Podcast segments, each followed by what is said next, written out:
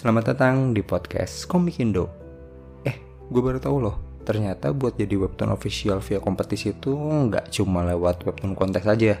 Kemarin gue tuh baru beres baca komik official webtoon yang submissionnya masuk dari kompetisi lain. Judulnya Moonflower karya Ifu Aira.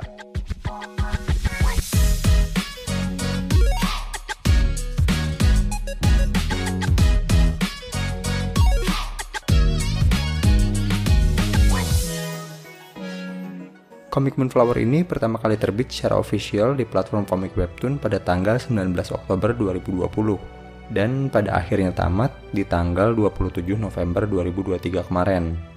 Nah, kayak yang gue bilang tadi, komik ini sebenarnya jadi official bukan dari Webtoon Challenge, tapi komik ini masuk dari jalur kompetisi Line Creative.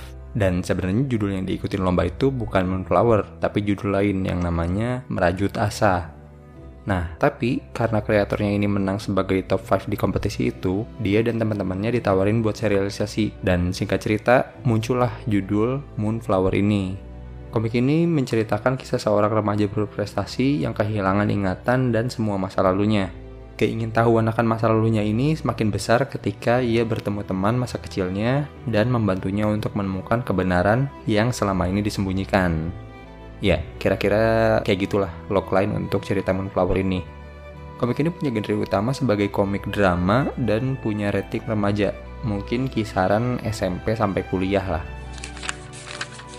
Oke, untuk pembahasannya bakal gue mulai dari karakternya dulu aja kali ya. Karakter utama komik ini itu adalah seorang siswi SMA bernama Naomi Syamsyah. Kalau dari looks luarnya tuh dia kelihatan kayak uhti-uhti berhijab gitu ya murah senyum, kalem. Tapi di balik itu semua, dia punya misteri di kepalanya yang bahkan dia sendiri belum bisa mencahin gitu. Kalau boleh gue bilang, ini karakter lumayan kompleks dan cukup acceptable buat gue. Kenapa? Karena kelebihan dan kekurangannya itu juga sinkron. Kayak si Naomi ini kan pinter. Spoiler dikit, dia anak akselerasi juga. Nah, tapi dia tuh skill komunikasi dan sosialisasinya kurang dan menurut gue itu make sense. Soalnya stereotipnya pun ini nggak tahu ya. Mungkin lu punya pengalaman yang beda tapi selama ini baik di sekolah ataupun kuliah anak aksel yang gue temu itu emang biasanya pendiam dan circle-nya nggak terlalu banyak atau besar gitu. Ya mungkin bisa jadi karena dia tuh jatuhnya terpaksa berada di lingkungan yang nggak seumuran sama dia kan. Makanya, walaupun menurut gue karakter Naomi ini bumbunya banyak banget, mungkin bisa jadi kebanyakan buat beberapa orang, tapi buat gue oke okay dan acceptable. Cuma gue ada kurang sereknya nih sama karakter lain, terutama untuk protagonis cowoknya. Ini sebenarnya kayak pedang bermata dua sih. Soalnya sebagian komikus webtoon senior juga pernah bilang, salah satu hook yang baik buat komik webtoon itu cogan alias cowok ganteng tidak bisa dipungkiri memang karena memang faktanya banyak yang suka dengan ngelihat looks cowok-cowok ganteng. Nah, kalau gue ini gue pribadi ya, lu nggak setuju nggak apa-apa, tapi buat gue ada dua hal yang cukup jadi tanda kutip kurang sereknya gue sama komik-komik cewek atau sojo lah versi Jepangnya. In general, yang pertama semua karakter cowok good looking. I mean, iya nggak apa-apa ada cowok ganteng, tapi kan di dunia normal juga ada cowok yang tidak ganteng juga gitu dan mungkin di dunia nyata presentasinya kebanyakan yang tidak. Oke, okay. yang satu lagi itu kesempurnaan protagonis cowoknya. Di komik-komik shoujo tuh kadang ngasih sosok cowok protagonis yang ganteng, pinter, kaya, wah semua bisa pokoknya. Ya mungkin cowok idaman banget lah. Tapi buat gue jatuhnya jadi kurang believable gitu. Jadi nggak utuh dia sebagai karakter. Padahal kan kita cowok-cowok suka disudutkan dengan kata-kata semua cowok itu sama ya kalau nggak ber ya home bercanda-bercanda. Tapi ya gitu ya kalau dari gue intinya kalau dari karakter oke. Okay. cuma yang gue kurang serak di sananya aja. Tapi ini debatable ya.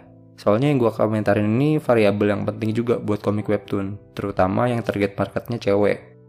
Oke lanjut ke plot cerita yang menurut gue adalah strong point dari komik ini Kenapa? Karena walaupun gue bilang tadi karakter Naomi ini kompleks, tapi yang ngebuat kekompleksannya itu adalah masa lalu dan kisah yang dialami dia selama webtoon ini berjalan gitu. Dan menurut gue, ini tipikal komik drama yang misterinya harus dibuka dikit-dikit gitu. Karena nanti akan ketahuan yang ini akan berhubungan ke mana, yang itu akan berhubungan ke mana gitu. Cuma emang sayangnya di beberapa chapter gua rasa ada yang rada patah atau diburu-buru gitu. Dan setelah gue cari tahu juga ternyata memang berjalannya komik ini tuh ada masa-masa di mana dia disuruh nyelesain cerita season ini dalam sekian chapter aja gitu. Jadinya ada beberapa cerita yang berasa nggak nyantai. Tapi dari segi konsep dan overall cerita yang mau disampaikan, gue oke okay sih.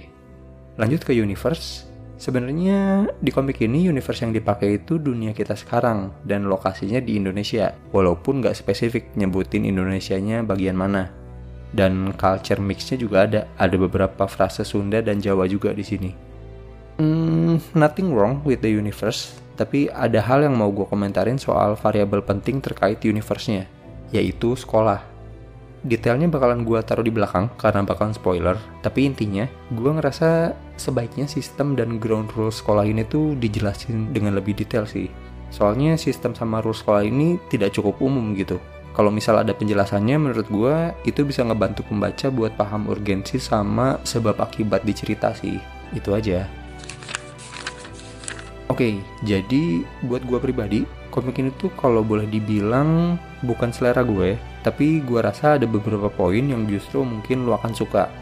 Ini sih jelas karena memang gue pun bukan target pasar komik ini. Target pembaca komik ini kan sebenarnya cewek, anak sekolah sampai kuliah gitu. Jadi gue rasa memang buat lo yang masih sekolah atau kuliah bisa lebih relate dengan kejadian yang terjadi di komik ini gitu. Walaupun gitu, tapi ada beberapa yang gue suka dari komik ini kayak plot ceritanya. Ini kalau plotnya dibuka lebih pelan-pelan, kayak ngupas bawang per layer gitu, kayaknya gue akan lebih suka deh. Dan yang paling gue suka dari komik ini adalah penjagaan kualitas komik ini sampai akhir season gitu. Ini lagi-lagi pandangan subjektif aja ya. Kalau gue pantau-pantau di beberapa komik-komik webtoon Indonesia yang serialnya panjang, nggak tahu kenapa pas mendekati ending tuh kualitasnya malah drop gitu entah dari segi gambar, eksekusi cerita, pokoknya berasa kok malah nurun ya. Entah ya, mungkin karena komikusnya lelah ngerjain serial panjang dan pengen namatin aja, gue nggak tahu. Tapi yang pasti di komik ini gue ngerasa justru di season 2 ketiga itu ada peningkatan gitu. Tadinya gue kira ini akan sama dengan webtoon-webtoon yang kualitasnya drop di akhir. Karena gue mulai ngerasa di season 2 ini komiknya rada goyang gitu tapi abis hiatus dan comeback di season 3, kelihatan tuh mulai firm lagi ngedeliver ide cerita utama dari komik ini. Dan gue denger-dengar juga komikusnya ngerjain serialisasi ini sambil kuliah gitu. Ini keren banget sih. Ngebagi waktu kuliah sama kerja aja susah banget. Apalagi masih bisa maintain kualitasnya sampai segini gitu. Salut sih gue, mantep. Oh iya, untuk info komikusnya sendiri, katanya setelah series ini tamat, Kak Ifu Aira ada rencana ngerjain dua project yang masih terkait sama komik ini dan menjadi sequel dan prequel dari Moonflower. Judulnya juga udah di spill-spill, yaitu Moonflower School Days dan Before 25. Untuk update-update terbarunya bisa kalian ikutin di broadcast channel Instagram atau ikutin aja IG komikusnya. Ntar link-link terkaitnya bakalan gue taruh di deskripsi. Dan abis ini kayak biasa, gue bakalan masih ngobrolin komik ini lebih lanjut tapi bakalan include spoiler jadi kalau lu udah baca dan gak masalah sama spoiler, kita ngobrol lagi abis ini. Tapi kalau lu gak mau kena spoiler, stop di sini aja nggak apa-apa. Jangan lupa dukung terus perkomikan Indonesia, bukan hanya karena nasionalitas, tapi juga karena kualitas. Sampai ketemu lagi di episode berikutnya. Dadah.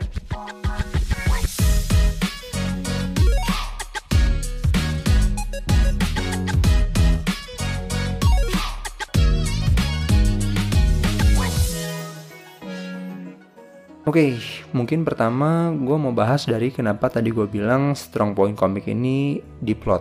Itu karena selain emang cerita ini misterinya bisa dikupas satu-satu, positioning karakter di komik ini juga jelas gitu.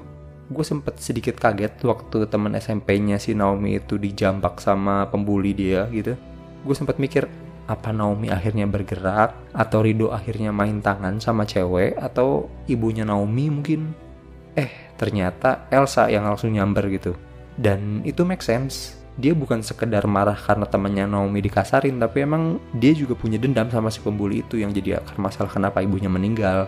Di sini tuh gue bener-bener tidak nyangka sih dan bagus. Walaupun sebenarnya ada plot yang rada aneh juga sih. kayak waktu omnya Naomi yang udah megang dokumen dan cuma butuh tanda tangan ibunya Naomi kenapa dia balik ke rumahnya Naomi lagi dan nyari dokumen apa lagi gitu tapi ya itu gue ngerti lah. Soalnya udah di ujung banget dan katanya emang Rushing harus nyelesain season 3 di chapter 30 jadi ya ya udahlah. Terus gue mau bahas lagi juga soal karakter. Menurut gue penjelasan karakter lebih lanjut atau karakter sheet di komik ini tuh lumayan penting jadinya. Soalnya kayak yang tadi udah gue bilang, positioning karakter di komik ini tuh udah ada pos-posnya. Tapi ada beberapa hal yang menurut gue jadi menimbulkan pertanyaan gitu. Kayak misal Bu Fatima. Itu journey-nya dia gue masih lumayan bingung sih. Kayak dia abis lulus jadi atlet, terus dia ada di desa itu lagi waktu Rifan sama Elsa mau masuk SMA, terus baru dipanggil lagi ngajar di Smasdes setelah jadi atlet di tahun ajaran kedua gitu gue bingung aja sih apakah dia sering bolak-balik gitu atau emang lebih sering tinggal di sana aja makanya akrab sama dua anak itu atau lebih sering keluar kota. Makanya nggak ketemu sama ibunya Naomi alias bestinya dia walaupun udah setahun di sana. Terus ada juga karakter pembuli yang ternyata sepupunya Naomi. Ini gue juga ada bertanya-tanya kenapa nggak ada yang nyebut nama Dennis dengan nama Syamsyah di belakangnya gitu? Naomi sama ibunya aja dapat nama Syamsyah, tapi Dennis yang notabene cucu dari anak kesayangan masa nggak dapat gitu. Terus juga masa saudara nggak pernah saling ketemu di acara apa gitu, lebaran kayak silaturahmi keluarga atau apa gitu. Ya itu gue yakinnya sebenarnya udah ada reasoningnya kenapa. Cuma karena ceritanya rada diras jadi nggak sempat dijabarin aja.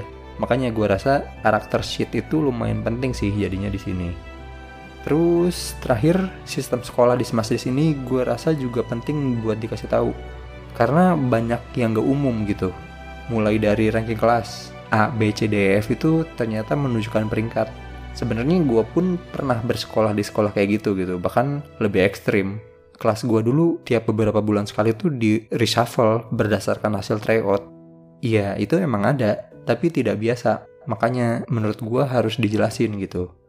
Terus juga soal pemilihan ketua OSIS. Ini gue juga sangat tidak relate sih dengan pemilihan ketua OSIS. Tapi ini kan tetap bagian dari sistem sekolah ya. Terus juga ada OSIS baru dan OSIS lama yang sama-sama masih aktif di rapat dan kegiatan. Kalau sepengalaman gue sih, kalau udah ganti masa jabatan, ya udah gitu off totally. Cuma ya nggak tahu ya mungkin ini perbedaan lagi dari sistem sekolahnya Semasdes.